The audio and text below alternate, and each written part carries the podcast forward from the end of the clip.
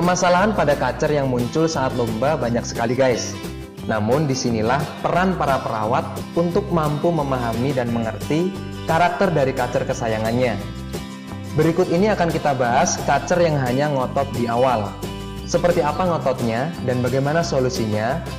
Oke langsung saja kita bahas ya guys. Yang pertama adalah kacer ngotot karena terkejut dan tidak siap.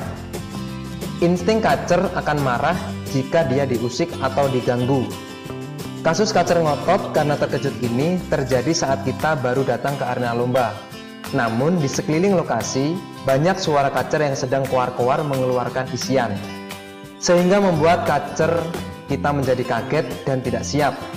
Seketika kacer langsung ngotot karena berusaha untuk melindungi diri. Namun yang terjadi, kacer tidak bisa ngotot sampai akhir, alias mudah lelah karena terkejut secara tiba-tiba. Jika kita mengalami hal demikian, solusinya adalah saat kita tiba di arena lomba, kita cari lokasi yang nyaman, tidak terlalu dekat dengan suara burung kacer lain, sehingga kacer kita bisa mempersiapkan diri sampai benar-benar on dan siap untuk digantangkan. Yang kedua adalah kacer ngotot mengeluarkan isian tapi monoton. Saat kita gantang, kacer sudah ngotot, mengeluarkan isian, tapi lagu yang dibawakan monoton, alias tidak bervariasi. Hal ini terjadi karena kacer kurang birahinya guys.